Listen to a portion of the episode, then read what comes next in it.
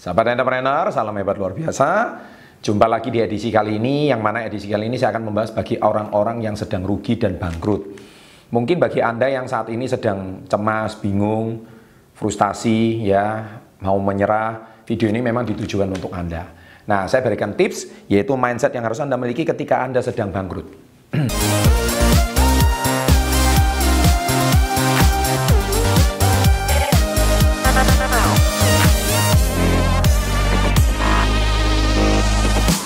Jadi bangkrut itu apa sih sebetulnya? Mungkin saat ini Anda sedang memulai mau merintis usaha. Mungkin Anda menanamkan modal 10 juta. Mungkin Anda membeli barang. Tapi ternyata ujung-ujungnya uh, uang 10 juta Anda hilang. Ya. Akhirnya Anda merasa bangkrut dan Anda merasa, Pak, saya mau dapat uang 10 juta itu harus bekerja berbulan-bulan bahkan bertahun-tahun loh. Tidak gampang loh punya uang 10 juta. Tidak salah kata-kata Anda. Tapi sadarkah Anda bahwa banyak pebisnis besar itu awalnya juga pasti mengalami kebangkrutan. Ya, tapi kenapa mereka tetap bisa besar bisnisnya?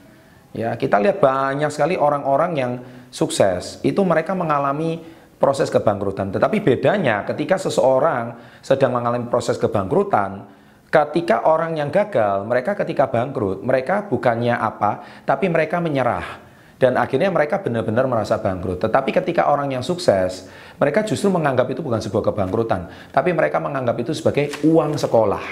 Ya, jadi ini kata kuncinya, uang sekolah. Ketika Anda ingin sukses, Anda harus menganggap bahwa setiap kegagalan itu bukan sebagai malapetaka. Setiap kegagalan itu bukan sebagai bencana, tapi setiap kegagalan itu adalah sebuah proses dan Anda seperti uang sekolah ambil satu contoh, mungkin Anda yang hari ini sedang sekolah dari SD mungkin sampai SMK, sampai tamat kuliah. Anda sadar nggak berapa ratus juta yang sudah Anda keluarkan? Ya kan? Mungkin Anda nggak ngerasa, masuk sih Pak ratusan juta, saya uang sekolah di SMP negeri, SMA negeri gratis kok. Betul, tapi berapa uang yang harus Anda keluarkan untuk bensin, makan, kemudian beri buku pelajaran, untuk ujian, untuk beli seragam, untuk ini. Anda nggak mikir, karena yang mengeluarkan uang orang tua Anda. Itu Anda nggak sadar, itu jumlahnya kalau diakumulasi uh, dari SD sampai kuliah itu mungkin hampir 17-20 tahun. Ya, itu keluarkan uang nggak sedikit loh. Dan Anda juga tidak mengatakan itu bangkrut kan? Tidak, tapi Anda mengatakan ya itu uang sekolah. Nah, begitu juga dengan bisnis. Ketika Anda hari ini, saya juga pernah uh, uh, apa ya sharing dengan seorang pebisnis di bidang pertambangan. Dia bilang kalau hilang ratusan juta di bidang pertambangan itu masih baru level TK katanya. TK uang ratusan juta hilang, iya. Kalau Anda habis uang uh, puluhan miliar itu di bisnis pertambangan, nah itu baru tingkatnya SMA. Saya katakan, puluhan miliar itu SMA? Iya, kalau di bisnis pertambangan Anda harus menghabiskan uang sampai ratusan miliar. Itu baru Anda mengatakan itu baru bisnis yang benar. Coba Anda bisa bayangkan, itu bisnis pertambangan. Anda mungkin kehilangan 10 juta, 20 juta, Anda sudah mau masuk rumah sakit jiwa, jangan-jangan. Ya kan? Kenapa? Karena Anda sudah merasa aduh saya bangkrut adalah akhir dari segalanya. So entrepreneur itu memang seperti itu.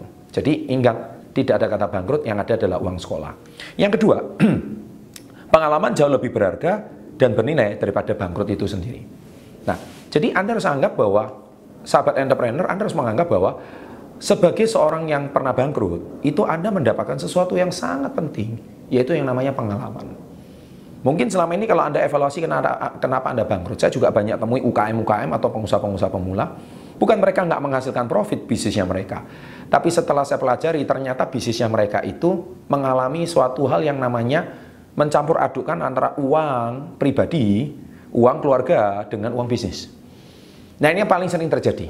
Akhirnya bukan produknya nggak laku, produknya laku. Bukan nggak ada customer, ada customer. Tetapi yang jadi masalah adalah Ketika terima uang, uangnya bukan dibelikan barang lagi, ya, tetapi uangnya justru uh, dicampur adukkan. Beli inilah, beli itulah, yang nggak ada hubungannya sama bisnisnya. Akhirnya uang untuk dagangnya habis. Nah ini yang jadi masalah. Nah jadi sahabat entrepreneur, ya jelas Anda bisa bangkrut, tapi Anda dapat pengalaman kan. Nah kedua, ketika Anda sudah mau mencoba usaha lebih bagus, ah, mungkin ada yang nggak mendukung, sehingga Anda mungkin bisa bangkrut. Atau mungkin Anda ditipu sama uh, pembeli. Pembeli mungkin mengatakan pengen nah, dapat piutang contohnya.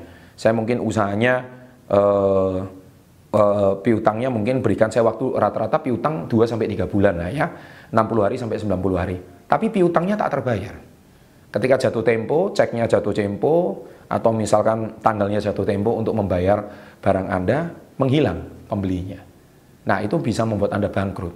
Tapi Anda dapat pengalaman. Pengalamannya apa? Lain kali harus selektif dalam memilih pembeli. Ya, selektif dalam mendrop barang. Apakah tokonya dipercaya? Apakah piutang itu diberikan pada buyer yang tepat atau agen yang tepat? Hati-hati. Ya, jangan mudah eh, apa terayu oleh omset yang cepat. Ya, sering kali itu menghancurkan Anda. Makanya oleh sebab itu hati-hati kalau bisa bisnis itu Anda mungkin evaluasi cash flow-nya harus benar, memberikan piutang harus hati-hati. Karena Anda harus membayar supplier bukan? Ketika Anda harus membayar supplier, kalau piutang Anda nggak terbayar itu juga jadi masalah. Itu bisa menyebabkan kebangkrutan. Tapi Anda mendapatkan sebuah pengalaman yang penting. Nah pengalamannya itu apa? Pengalamannya adalah Anda lain kali belajar. Jangan sampai mudah percaya. Dan itu pengalaman yang sangat berat. Dan pengalaman itu didapat hanya ketika Anda bangkrut. Pengalaman itu didapat hanya ketika Anda menjalani. Anda tidak bisa cuma mendengarkan ini terus lantas Anda berpikir, oh bangkrut itu seperti itu. No. You have through that process. Anda harus melewati prosesnya. Anda nggak bisa cuma dengar saya lantas Anda berhati-hati. Tidak, Anda harus mengalami. Wah, berarti Pak Chandra maksudnya saya harus bangkrut dulu. Tidak juga seperti itu. Tetapi minimal video saya ini mengajak Anda untuk lebih waspada dan hati-hati. Oke? Okay? Dan yang ketiga adalah uh, bangkrut itu nggak ada, yang ada adalah sebuah pembelajaran. Nah, jadi seperti poin yang kedua. Nah, pembelajaran itu adalah proses yang tidak ada berhenti.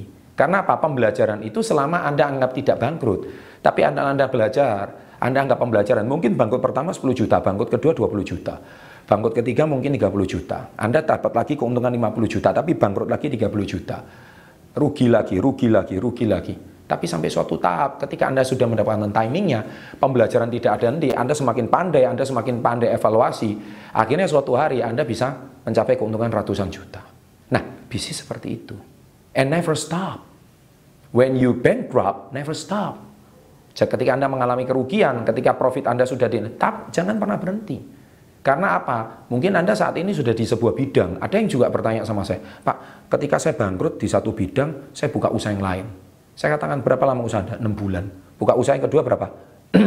7 bulan. Usaha ketiga berapa? 10 bulan. Usaha keempat berapa? 15 bulan. Kapan Anda pinternya? Konsistenlah di satu usaha dan berbulan-bulan, bertahun-tahun di usaha itu. Jangan ketika Anda mau masalah Anda sudah pindah usaha. Ya jelas bangkrut terus. Kenapa? Ketika Anda tidak mempelajari sesuatu secara konsisten di satu bidang, maka Anda akan tidak pernah belajar sesuatu di bidang tersebut. Jadi saran dari saya ketika Anda mungkin saat ini sedang rugi, bangkrut, don't stop. Ya, evaluasi.